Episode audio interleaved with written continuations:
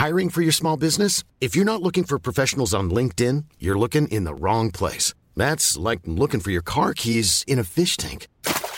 LinkedIn helps you hire professionals you can't find anywhere else, even those who aren't actively searching for a new job but might be open to the perfect role. In a given month, over 70% of LinkedIn users don't even visit other leading job sites. So start looking in the right place. With LinkedIn, you can hire professionals like a professional. Post your free job on linkedin.com slash people today.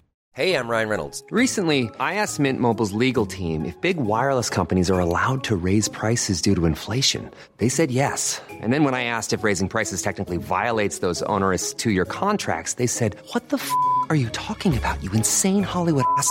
So to recap, we're cutting the price of Mint Unlimited from $30 a month to just $15 a month. Give it a try at mintmobile.com slash switch. $45 upfront for three months plus taxes and fees. Promo rate for new customers for limited time. Unlimited more than 40 gigabytes per month. Slows. Full terms at mintmobile.com. There's never been a faster or easier way to start your weight loss journey than with PlushCare. PlushCare accepts most insurance plans and gives you online access to board-certified physicians who can prescribe FDA-approved weight loss medications like Wigovi and Zepbound for those who qualify. Take charge of your health and speak with a board-certified physician about a weight loss plan that's right for you. Get started today at plushcare.com slash weight loss. That's plushcare.com slash weight loss. plushcare.com slash weight loss. Och att Jörgen, som han heter, stod upp för mig, alltså det är fan i mig en av de finaste stunderna i mitt liv. N när jag inte kunde andas så fanns det någon där.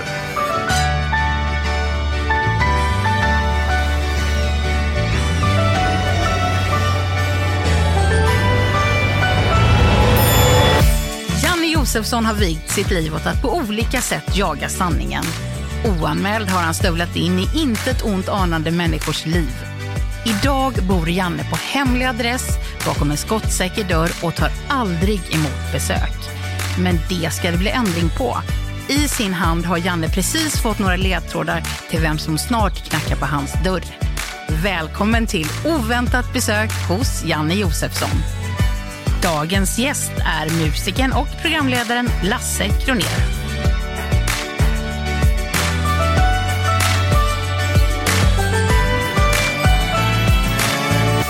Jag känner Janne Josefsson jäkligt bra tror jag. Jag tror att vi eh, faktiskt är något så fint som kamrater, skulle jag nog säga. Eh, han, eh, han var väldigt bra kompis med Lasse Brandeby. Och Lasse Brandeby var min bästa kompis. Och när Lasse gick bort så fick jag och Janne lite mer kontakt.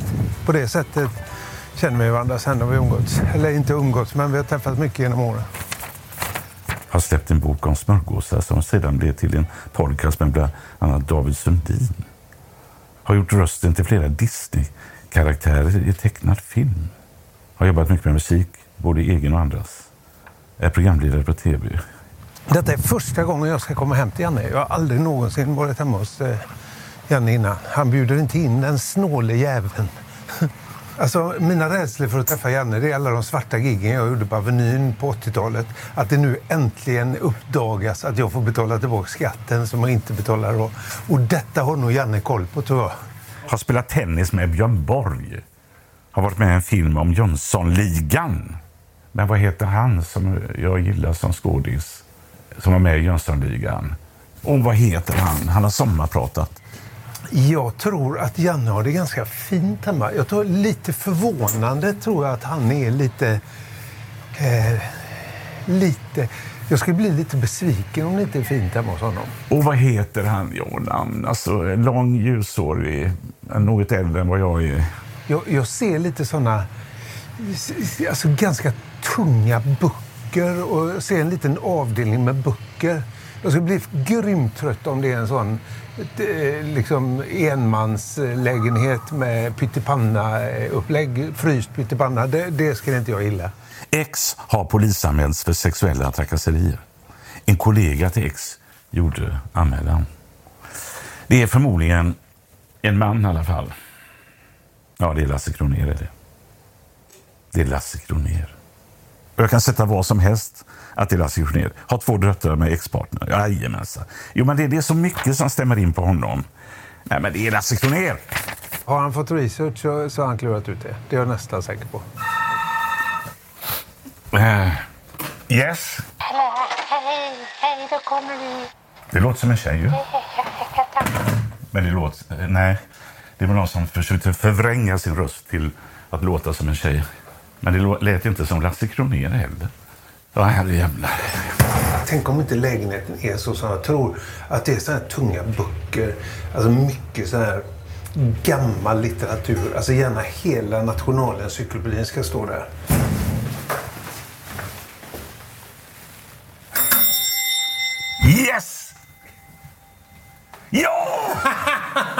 Jag, har, jag gissade rätt. Försökte du eh, låta som en kvinna? Ja, ja. Men det gick inte så bra. Ja, det gick så där kan man Fan, säga. vad gott. Åh, herregud. Och jag blev så glad när jag skulle göra detta. Kände jag direkt, fan vad trevligt. Det ska finnas en stor bokhylla. Yes! Ja, Jag visste det. fy fan vad länge sedan jag såg Ja, dig. Nu är det dags för kaffe. Han verkar sugen.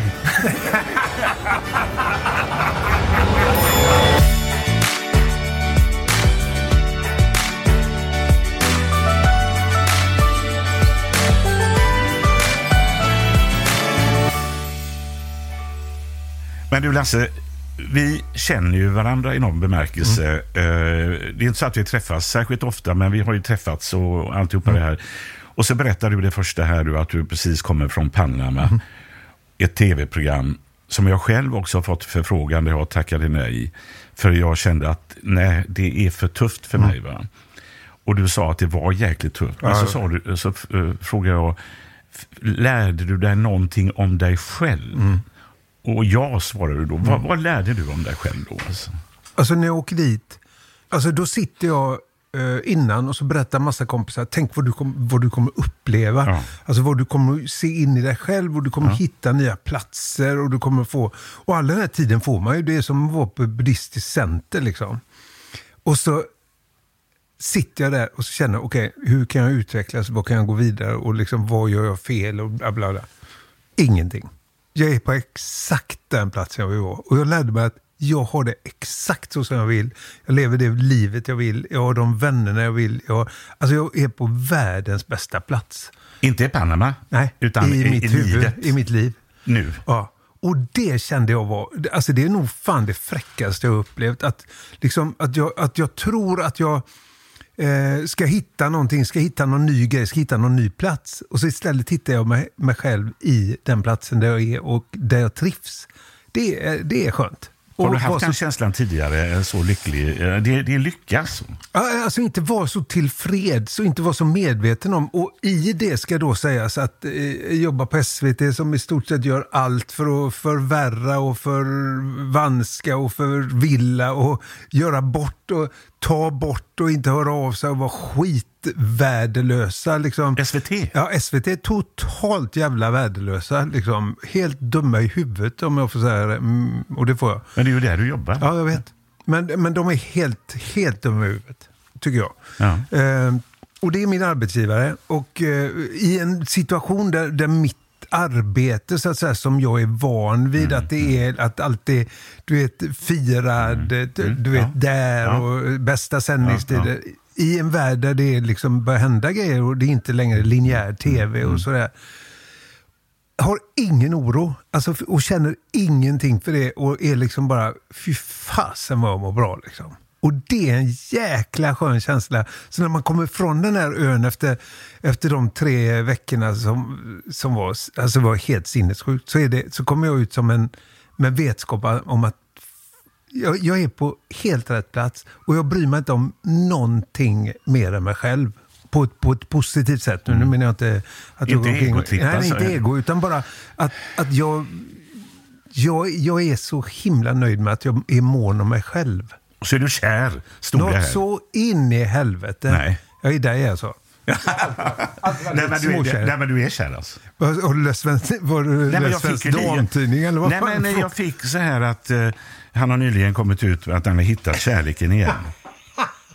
Han vill dock för, eh, att kärleken ska, för, ska vara anonym. Alltså de tidningarna är ungefär, alltså jag var kär kanske för två år sedan när jag träffade henne. Ja. Och jag är i och för sig kär fortfarande Ja, än ja. naturligtvis. Och så är jag, äh, mina kvinnor är alltid hemliga för att inte jag visar upp dem offentligt. Ja. Jag har inget, jag har inget, alltså, det heter privat för att det är privat. mm, ja. jag, jag är jätteprivat. Liksom. Men två grejer nu vad du har sagt eh, som jag måste fråga om. Det ena är ju, eh, menar du att vi är så jäkla kritiska mot SVT? Jag är också det. Jag tycker att det är ett, eh, ett dåligt klimat av en massa olika skäl, men det kan vi ta en annan gång. Men du tycker så alltså? Alltså jag, jag kan ju tycka så här, man har, man har vad har de kvar? Tre, fyra program, fem program som, som fortfarande ratear i, eh, i tittning. Och, där, där, och då, nu, nu pratar jag naturligtvis i egen sak. ja, ja. Alltså, det är ju, Doobidoo. ja.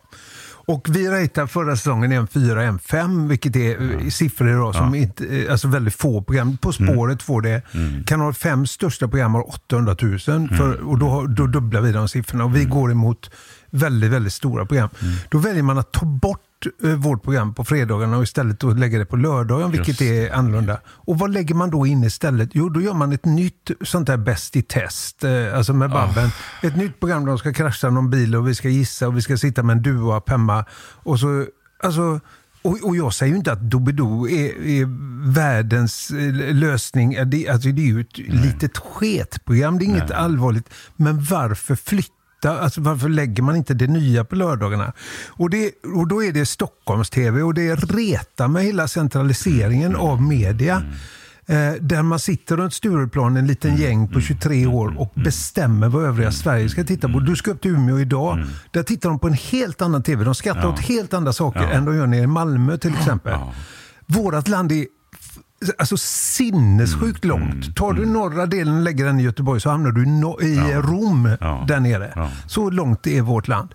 Och det tror fasen att vi har olika humor, olika tankar. Inte som en liten, liten muppgrupp i Stockholm ska sitta och bestämma om. Och jag tycker de cheferna som vi har är fruktansvärt dåliga. I och då Stockholm, pratar alltså jag i de- Stockholm. ja, mm. Inte i Göteborg. För Göte- SVT Göteborg är skitbra, tycker jag. Eh, ja, eh, på den redaktionen du har jobbat, det är den du har insyn i, då? Så Ja, säga. och ledning. Ja. Alltså, eh, även ledning i Göteborg har jag insyn i naturligtvis eftersom jag under så många år som- som 20 har, eh, har liksom jobbat där. Ja, men nu fattar jag. Men du, den andra grejen jag tänker på när du säger att så här har jag aldrig känt riktigt förut och nu är jag... Åh, du, du verkligen... Det ser, man ser det på dig Mm. också. Är det så jäkla bra att vara så jäkla eh, nöjd eh, med, med livet och sig själv och alltihopa? Ska man Nu kommer, han, dri- nu kommer han så jävla negativ och tråkig.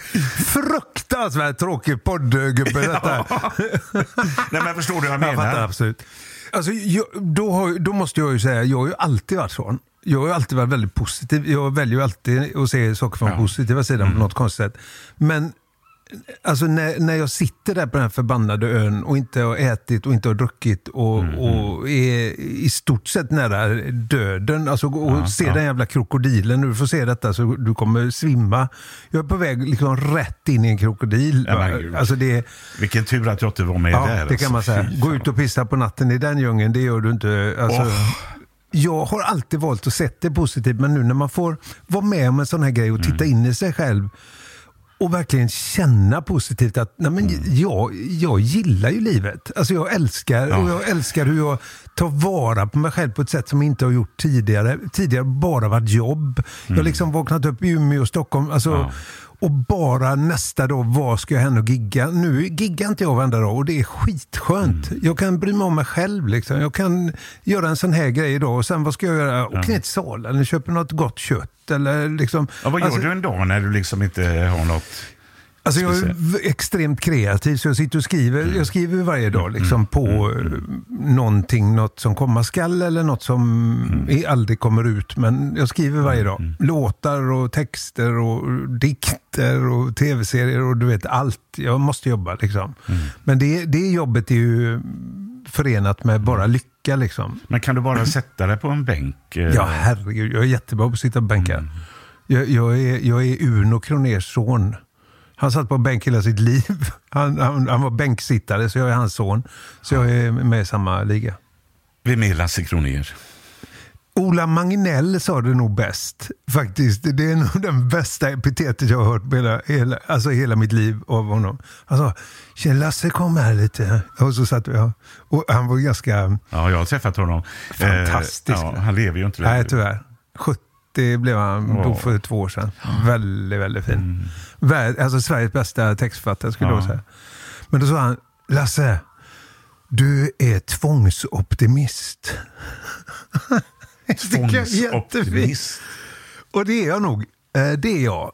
Eh, Vad, menar, vad, vad menas med det då? Jag tror att man vänder allting till positivt. Alltså, det spelar ingen roll hur situationen är. Sen kan jag bli väldigt förbannad i, i stund och sånt där. Alltså, jag- om jag pratar med de här mupparna uppe i Stockholm till exempel, de här eh, Ja, ja. cheferna där uppe, då kan jag bli vansinnig. Ja. Va? Och då är jag inte särskilt eh, optimistisk eller, eller positiv. Men, men alltså, i vanliga livet så, säga, så kan jag alltid vända allting till positivt och gör det ofta. Förutom när jag kör bil. Då blir jag helt dum i huvudet. Alltså där på något sätt kommer all min ilska ut. Är det så? Ja. Jag är helt värdelös. Eller jag är väldigt bra på att köra bil, men jag är värdelös Det är inte i... så att du medvetet krockar med någon? Eller, Ja, det är inte långt ifrån nu. Det börjar... har du kört över någon? Nej, nej, Nej, nej, men, nej, men jag vet På riktigt va? Men du, får jag fråga? Nu, jag märkte direkt med sån uppdrag har du kört över någon? Och jag, jävlar har jag det. Men är du schysst mot alla som du jobbar med och som eh, har med dig att göra? Och... Alltså det tror jag faktiskt och det fick jag eh, alltså ganska väl inblick i under, alltså under vad var det, 2017 när jag hamnade i, i smeten. Liksom. Och då fick jag ju tänka igenom hur har jag betett mig mot mina, för då har ju, eh, vårt jobb eller mitt jobb har ju varit väldigt, väldigt mycket mer hierarkiskt än det är idag. Alltså då var ju liksom att vara programledare på, på SVT, primetime och ha eh, var, var ju ett hierarkiskt yrke där man var, stod längst upp i, eller högst upp i näringskedjan. Och då var jag tvungen att titta igenom mitt liv. Hur, hur har jag varit? Har jag varit schysst mot... Och det tror jag faktiskt alltid liksom mm, varit väldigt noga. Att gruppen ska må bra. Att liksom från kameramän till, till sladddragare eller vad det nu är. Så det tror jag faktiskt. Sen, sen om du nu tar in mina arbetskamrater så kanske de har en annan syn Jo, på jo. detta. Men det tror faktiskt inte jag att de har. Eller jag vill tro att de inte har det. Jag tror att jag är jätteschysst. Jag beter mig nästan 99,9 procent. Om, om jag går på stan så pratar jag med alla, stannar alla och hälsar alla. Och, alltså det är ju samma sak för dig och det är samma sak för Ingvar var samma sak för Lasse. Eh, och det är samma sak för Glenn. Och det, är liksom, alltså det är en liten gäng som har det ungefär på samma sätt. Där man beter sig på samma sätt. Sen har jag ju varit dyngrak på krogen någon gång och bett någon fara och flyga. Det är ju också självklart. Så är det. Du nämner 2017. Och jag minns ju löpsedlarna. Som jag kände det var ju liksom, vad fasen har han gjort här nu? Liksom, det var ju, du jämförde som nästan med våldtäktsmän och sådär. Och vi hade också kontakt och jag förstod ju, fy fasiken vad du hade. Vad, vad, vad var det värsta där? Alltså vad som kom ut ur det var att jag tog tag i mig själv. Eh, jag började träna. Jag hittade ljus i allting som inte var mitt arbete. Eh, vilket, vilket tidigare nästan bara hade varit att det ljus jag hittade i livet var när jag stod på scen. Och det ljus eh, som jag hittade var när jag satt eh, på en restaurang efter gigget i Umeå. Eller, eller liksom när jag fick en ny turné. Eller när jag fick, allt ljus var på arbetet. Medan privatlivet ofta var eh, åsidosatt för, för att jag valde 100% jobbet jämt. Och det drabbar familjen. Ja, 100 procent. Jag menar, jag hade med 100 procent säkerhet varit tillsammans med min exfru idag om inte eh, jag hade jobbat på det sättet. Det är jag helt säker på. Vi är väldigt goda vänner naturligtvis. Eh, men det värsta var eh, vänskapen som försvann. Det är det absolut värsta tycker jag. För den vänskapen som försvann under, eh, under den perioden var en sån vänskap som jag trodde alltid skulle finnas där.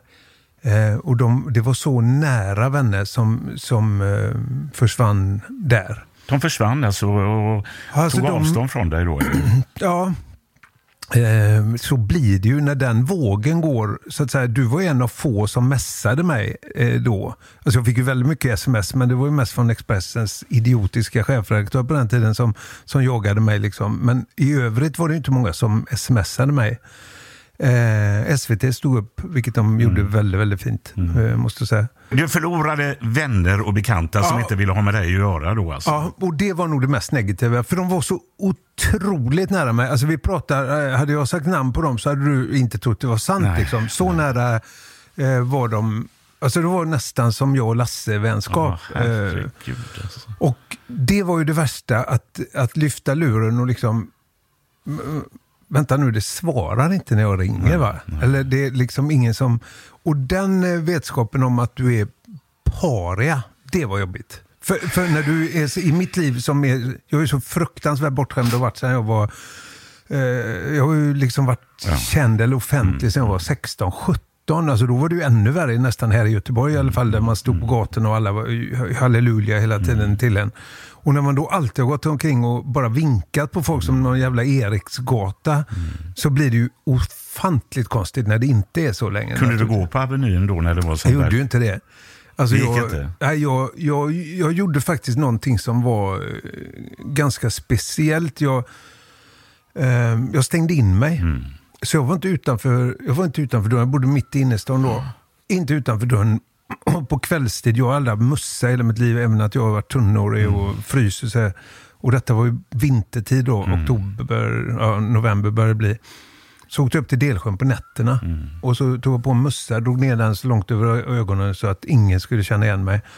Och en stor, någon stor parkasjacka som jag aldrig, aldrig hade på mig. Eh, och så gick jag upp i Delsjön på nätterna då. Fy. Och sen började jag knarka. Rejält. Eh, knarka ostbågar. Ja. Ostbågar, ostcrunch, ost, eh, allt, allt som börjar på ost knarkade jag. Och gick upp i vikt så. Något så in i helskotta. Så det finns en... Och du har eh, en bild där då? Ja. mm, där är dagen innan jag börjar träna. Nej men herrejävlar. Ja, vad var det jag sa? Jag visste det. Nej, jag vet att jag eh, pratade med dig vid något tillfälle. För då hade Johan Eriksson, advokaten, då sagt till mig, eftersom jag hade med honom att göra eh, i en dokumentär jag gjorde då, allt är nedlagt nu. Nu är Lasse helt fri. Han är oskyldig och sånt här. Och då hade, om jag minns rätt, ombudet för den här kvinnan överprövat igen. Alltså det var ju det som var så fruktansvärt jobbigt. För jag, jag var ju, då Vad kom heter hon, hon advokaten? Matsi Fritz någonting. Ja, heter det heter hon, Lasse Fritz. Nej, men grejen var att då, eh, då en, jag fick ju kontakt med polis, de här Ja. poliserna som då var hemma eh, hos mig och, och gjorde husrannsakan. Alltså det var ju, jag, var ju jag var inne i en värld som jag aldrig någonsin har sett naturligtvis. Eh, men då säger den här polisen till mig att nu är du Sveriges mest genomlysta person. Då har de tagit, jag har ju, alltså jag ska inte överdriva, men jag har säkert 20 hårddiskar. Där har jag lagt alla låtar, alla, alla saker, alla foton, alla familjer, du vet genom åren. Så här. Polisen hade kollat igenom allt det då? Allt. Och Men- stackar, då, då sa hon, den här polisen, att det, det finns han som sitter på den avdelningen och har gjort detta. Han sa till mig, får jag se ett semesterkort till på Lasse Kronér sittande i någon jävla solstol med sin familj runt sig, så kommer jag strypa. Han var så förbannad. Men du. Lasse, detta har du aldrig berättat utåt tidigare, va? Att Nej. du har råkat ut för att polisen kom och gjorde husrannsakan hos dig? Alltså, tänk den morgonen, det knackar på dörren. Det gör det inte ofta eh, hos mig klockan sex. Kan jag säga. Det är om någon ska ut eh, ur lägenheten. Men eh, där står då tre, tre poliser. Va? Och jag, eh, vad händer nu? Alltså då, då är jag ju mitt inne i den här cirkusen. Och då visar det sig att den här eh, Matsi Fritz har då överklagat första gången. Då, då har åklagaren Alltså en åklagare, det, det, det, när, man blir, det, när man blir del i en förundersökning som jag då blev, så är det ju inget som händer på dagen. Alltså det, de har ju annat att göra så att säga. Eh, så detta tog ju fyra månader för mig och då lever jag i totalt vakuum i de fyra månaderna. När, när de då hade gjort den här förundersökningen så bestämmer sig Mats Fritz att överklaga den. Eh, och då kommer de hem och snor alla grejerna. Så jag satt ju till slut på en pinnstol, jag ska inte överdriva, men, men de tog allt. Alltså vi pratar, de, de var inne i porslin, alltså, det, alltså allt. Och jag, jag visste inte hur en hus, husrannsakan gick till av naturliga skäl. Man har ju sett på film och sånt. Men det är allt. Alltså de är inne i, de öppnar, jag menar, hade de gått in här i, i ditt, eh, i ditt lägenhet här nu så hade de öppnat varenda bok, tittat varenda sida. Alltså rubb och stubb. Och då när jag när den här polisen säger till mig, nu är du den mest genomlysta personen Mm, och den åklagaren kommer att lägga ner det och den åklagaren lägger ner det imorgon. Sa han det? Eller hon? Eller? Ja, Mm. hon sa det. Eh, är du säker på det? Så, jag, ja, det är jag 100% säker på. För jag menar, vi har tittat igenom dig. Du, vi, alltså, vi, vi vet vilka sidor du har varit inne på. Alltså, vi, vet, vi vet allt vad du har gjort. Liksom. Eh, och så kommer dagen efter så kommer eh, friandet. Då, då är jag alltså friad i första förundersökningen och friad i andra förundersökningen. Och då, kan man inte, då finns inget mer att göra för den här advokaten. Då bestämmer sig den advokaten, Mats Fritt, som inte är här och kan försvara sig. Vi ska ta han igen. Så då kommer en ny. Och denna gången är det att jag, lyssna nu, att jag har skickat nakenbilder på mig själv. Och nu måste jag säga en sak. Och detta är med full självinsikt. Om jag skulle vara intresserad av en kvinna så är kanske det sista sättet jag skulle få henne intresserad är att skicka en nakenbild på mig själv faktiskt. Jag kan skicka rosor, jag kan Ja. skicka sånger, Ja, ja, jag kan skicka dikter. Alltså det dummaste jag kan göra är att skicka en nakenbild. Så jag har ju naturligtvis inte skickat någon nakenbild. Men Nej. då, då fick ju hon en ny och då är det ju ytterligare fyra månader för mig. Ja, ja. Sen när allting är över då så kommer ju den här... Ja, nej, jag ska inte ens prata om det, så dumt som man... Jag, jag är väldigt över det och väldigt lycklig att jag kom över det och väldigt lycklig att jag kom igenom det. Och väldigt eh, mycket, mycket starkare idag faktiskt.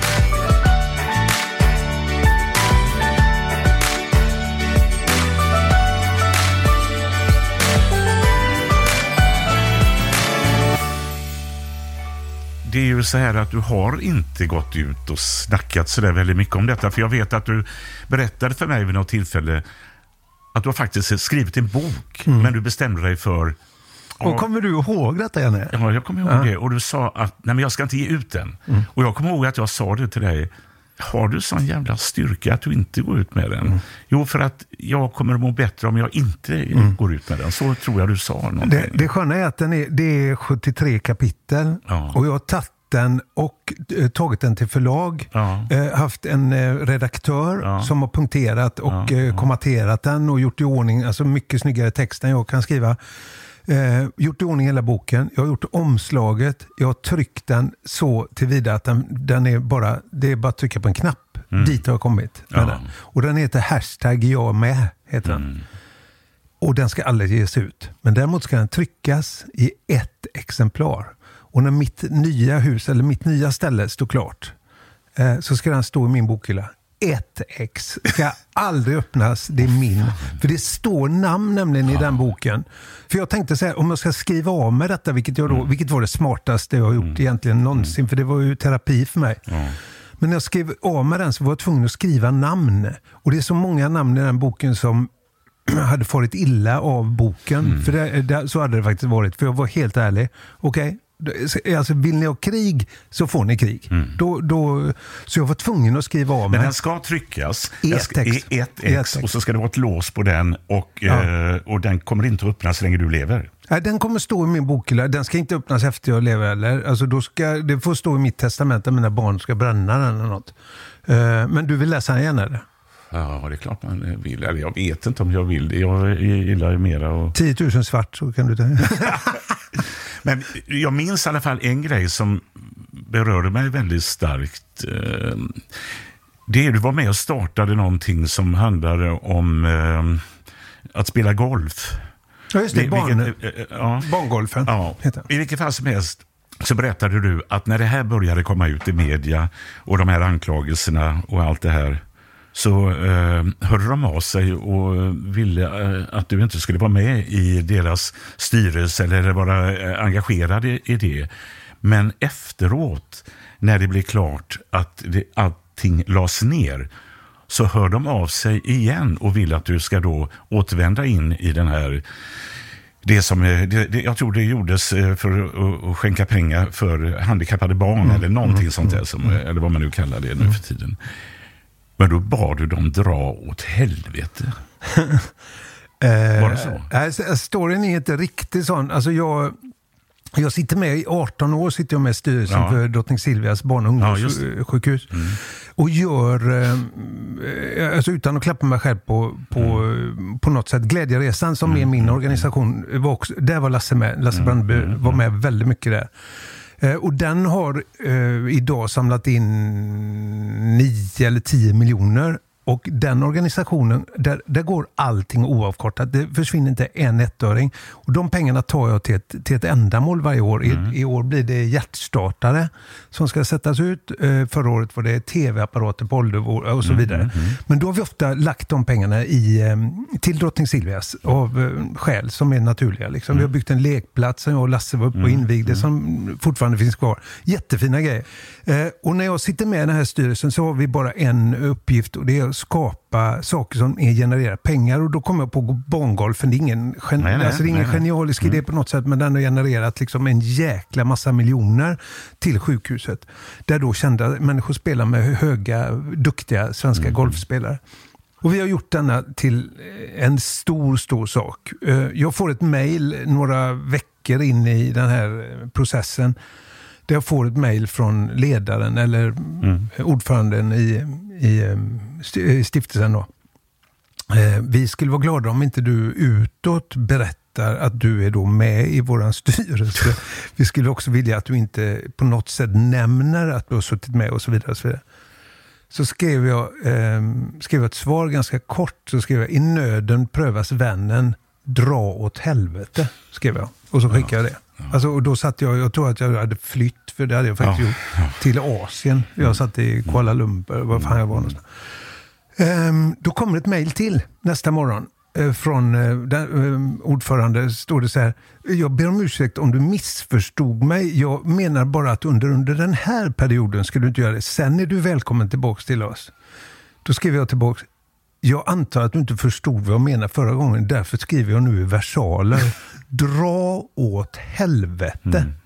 Efter det har inte jag pratat med dem och så kom en stor blomsterbukett när jag, förundersökningen lades ner. Det kom en stor blomsterbukett och du är välkommen tillbaks. Och då sa jag det i mer en annan ton. Då sa jag dra åt helvete. Bara. Ja, Eh, alltså den, det, det är det ett av de stora sveken, tycker jag. För där, där hade jag lagt ner så extremt mycket tid, så mycket kraft och, och gjort så mycket. För det hade jag verkligen gjort. För det, alltså det blev jag årets göteborgare, för det fick jag en spårvagn för. Alla de sakerna som, som jag sen har fått positivt liksom för mig var väldigt mycket för mitt arbete i, i Drottning Silvias. Liksom. Jag la ner en jäkla själ i det. Och den sparken i skrevet var inte schysst alltså. Så det gillar inte jag. Så då, då kommer jag ihåg rätt faktiskt. Får jag ta en snus, Janne? Jag snusar, snusar aldrig innan tolv. Om man gör det så ska vi eh, ska gå vidare i lite andra frågor också.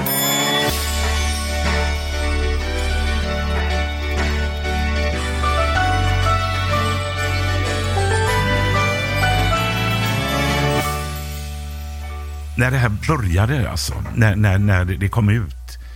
Och det är ju Expressen GT kanske först med, jag vet inte, men när det kommer ut i alla fall på löpsedlarna och alltihopa det här. I detta med metoo och allting. Så har du två döttrar och eh, någon skulle då eh, gå ut nian eller ta studenten eller någonting och vara metoo-anhängare och du skulle följa med. Var det så? Alltså det, det roliga är, det är Matilda, min stora tjej. Hon sa, pappa kan inte du stå upp med mig för detta? Och jag, alltså självklart. Alltså, eh, och nu ska jag inte vara Bror Duktig i efterhand på något sätt, men det var en reningsvåg tycker jag, som var, som var extremt behövlig. Väldigt mycket mer behövlig i, i skådisbranschen och hela det som vi nu eh, ser och vet idag. Liksom. Men, men hela, hela samhället behövde den. Alltså mäns dominans och allting. eh, Alltså, ugh. Och det var, det var ett reningsbad tycker jag. Så jag säger till Matilda direkt, alltså jag blir skitglad. Liksom. Jag ska stå med dig på Götaplatsen, självklart. Ja, men även om det kommer fram folk och så, där, så vill jag stå med dig där. Liksom. Och jag, jag Vad var jätte- det på Götaplatsen då? Det var då alltså- var, förlåt, det var en stor manifestation för, eh, alltså för, För- metoo. Och okej. eh, metoo var i sin linda. Ja, ja, liksom. ja. Mm, Och, och hette han Weinstein hade ju precis, liksom, det hade precis börjat. Liksom. På fredagen ringer Expressen. Det är Expressen som gör hela min grej. Liksom. De, det är han, vad heter han, Mattsson heter han. På lördagen hänger jag på löpet. då, då ringer Matilda mig. Så hon, eh, pappa, det är okej okay om du tränger med imorgon. och så garvar hon. Eh, för då, då hade jag ju, alltså redan på fredagen så hade jag ringt min exfru och mina två döttrar på, på ett trepartssamtal och berättat vad som komma skulle. Men då, då kommer en av de finaste grejerna från, eh, eh från ett väldigt oväntat håll. Frölunda Hockey, jag, mm. jag är ju hockey, total mm. hockeygalen. Jag går alltid på... De ringer mig och då lördagsmatch klockan 15 säger de att eh, Lasse, du kommer. Så en av en kompis som inte var nära kompis då ringer och säger du åker med mig. Vi kör in i Skandinavien. Jag går med dig hela tiden. Så han går axel i axel, för jag, jag kunde inte gå själv. Alltså på riktigt. Eh, för det var, du vet, jag skakade hela kroppen. Du kommer in på Skandinavien, 12 000 människor. Och, och, och jag är då, hänger på varenda löp med de orden som inte finns i mitt vokabulär. Liksom. Men jag gick fan i mig. Och, och att, att Frölunda gjorde det som förening mm, mm. var ett av de största grejerna för mig. Och att Jörgen, som han heter, körde mig och hjälpte mig och stod med mig och var med mig och, och stod upp för mig den gången. Alltså det är fan i mig en av de finaste stunderna i mitt liv. N när jag inte kunde andas så fanns det någon där mm. som, eh, som höll mig. För även om eh, sanning eller osanning, så lik förbannat när du står i den strålkastaren så är den, alltså den bränner hål. Liksom. Så, och det, var, så det, det kommer också ut i detta, nu kommer tvångsoptimisten igen. Mm, mm. Det kommer också ut saker som, som jag har med mig i livet som är, som är rosenbuskar, liksom, som är så vackra, som är så fina, som är så många saker som hände mig under den perioden. Visst, det fanns jättemycket negativt, men det fanns också de här mötena, de här tillfällena och de här sakerna. Och jag har alltid valt att och tänka på dem mm. istället för att tänka på åh vad dåligt jag mådde. Åh, vad och så bla. Jag tänker istället på alla de där fina eh, ögonblicken som, som, som har förändrat mitt liv. Alltså, för det har de verkligen. Innebär det att du inte skulle vilja ha det ogjort? Uh, Eller att inte, menar du att det här är... En... Alltså, 2017 så var jag liksom, jag hade fem tv-serier, jag hade varenda gig du kan tänka mm. dig. Är det ett företag som ska ha ett företagsgig så står jag på den scenen. Eh, idag ringer inte telefonen. För fortfarande är det så här att ett företag, liksom, okej okay, vi ska ha en stor fest, vi är 2000 personer. Då ska vi ta David Elenius eller ska vi ta Lasse Vänta nu, var det inte något med honom? Va? Mm. Och så är det fortfarande ingressen är, Lasse Kronér ska nu starta Doobidoo. Lasse Kronér var, och så kommer vad han var då. Mm. Alltså jag var skyldig, inte skyldig, men jag blev utsatt för en förundersökning. Mm. Alltså det står fortfarande som ingress. Mm. Och det, det tvättar du inte bort. Nej. Så det, det skulle jag vilja ha ogjort. Men samtidigt skulle jag inte vilja ha ogjort hur le, livet blev efter.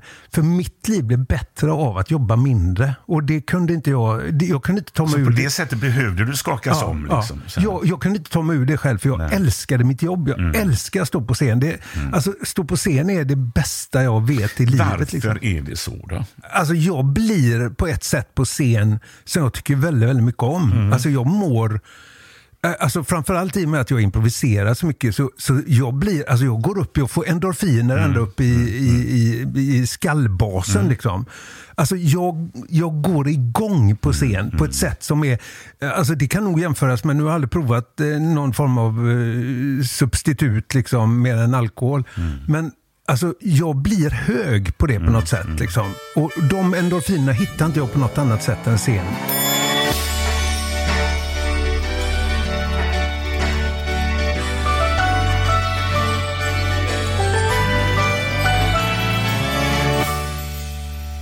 När du var liten, säg fem, sju år gammal, mm. vad gjorde du då som gjorde dig riktigt, riktigt glad? Eh, det är ganska enkelt. Eh, stå på scen. Eh, Sune Mangs kommer till Axel Rossens torg, jag är sex år.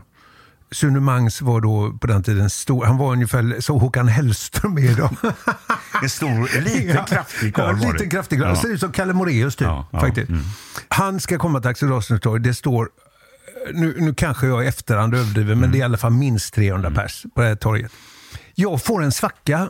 Han kommer ju aldrig. Alltså vad händer? Här har vi en scen, vi har en mick och ingen Sune Mangs. Nej, nu får jag gå upp och ta tag i detta. Jag går upp på scenen. på sidan. En smart eh, vad heter det, eh, scentekniker fattar och drar ner stativet till min nivå. Jag tar tag i micken och säger hej, jag skulle vilja sjunga. Claes-Göran Hederström har precis vunnit med Det börjar verka kärlek banne mig. och jag bara... Jag gör komp på allting. I förrgår sa jag plötsligt... Och så kör jag den. Det gjorde mig lycklig. Och att gå upp i Svalen, eh, det är trappuppgång i Göteborg, på Skiljemynsgatan 2. Och när jag går där och sjunger La, da, da, så har jag bara ett eko. Alltså jag får ett reverb där inne. För där i den svalen fick jag, alltså där kom ekot.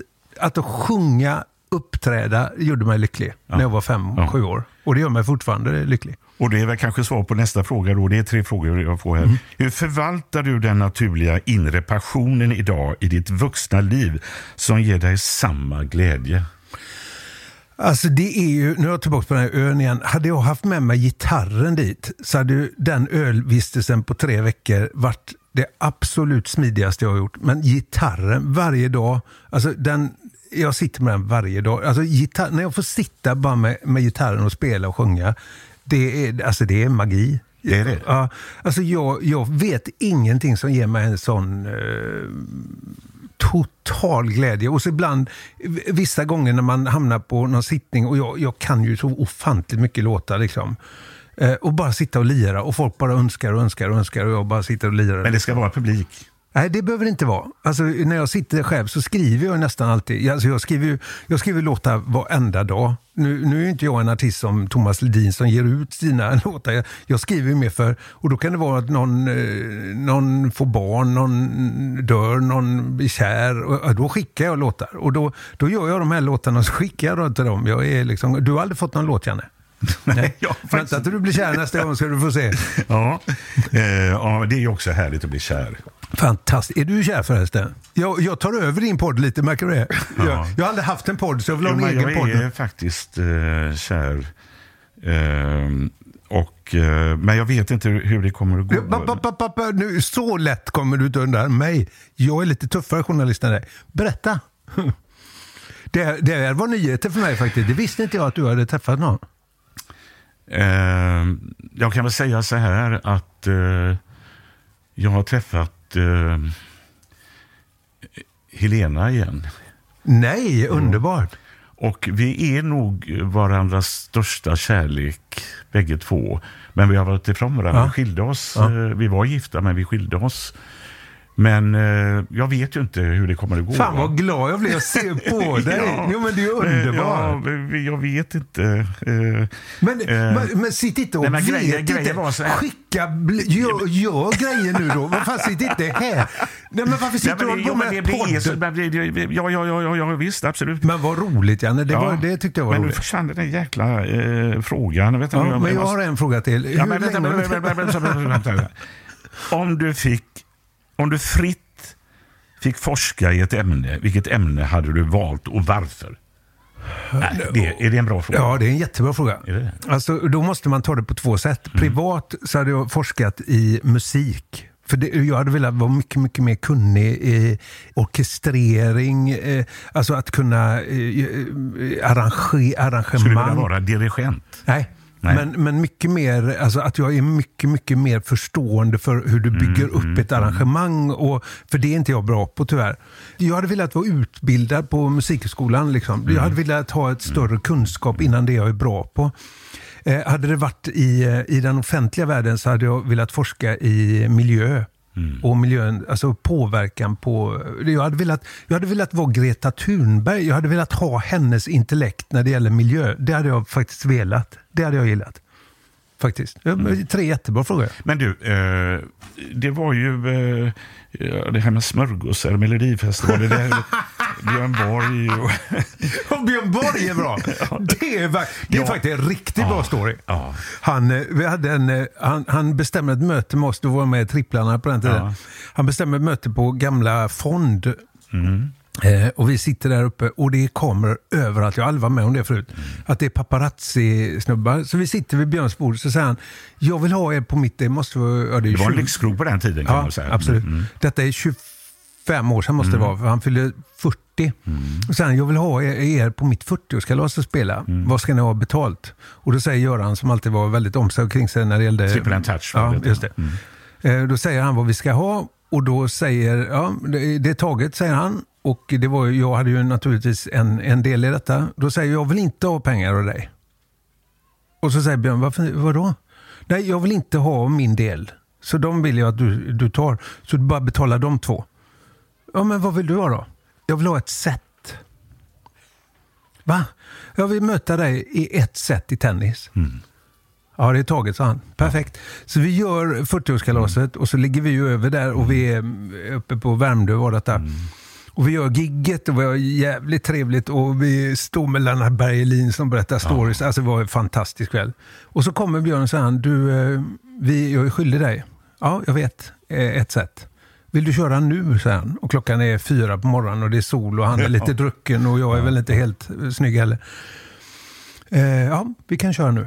Och så har han en tennisbana naturligtvis på tomten och så kör vi. Jag börjar serva. Jag förlorar. Jag, jag tänkte bara jag säger det så alla vet att jag, jag förlorar. Det blev 6-0. Han, eh, när han skulle serva i sitt eh, game då, han hade brutit mig direkt tyvärr. Men ingen av er var nykter? Liksom. Ja, ja, hade jag varit nykter hade jag nog tagit honom. men men, ja. men han, när han skulle serva så började han sådär löjlserva. Mm. Liksom. Och då sa han, men du måste göra detta riktigt. Du måste ju spela på riktigt, annars är det ju helt meningslöst. Annars vill jag ha mitt gage, Mm. eh, försökte jag. Jag tänkte han kan ju vara schysst och ge mig gaget ändå, men det Mm. blev inte så. Men jag förlorade. Jävlar vad han servade hårt. Det var inte en rolig historia. Jag har även förlorat med Lasse Frölander i fjärilsim dundrar. Har du det? Ja. Lasse, stort tack. Ja, tack själv, eh. Jag ser på dig, det syns Mm. att du är kär, du är glad, du eh, mår bra. Ja, jag mår Och väldigt det bra. är helt underbart att se. Tack ska du ha. Tack Janne. Tack, tack Ebbe. Yes!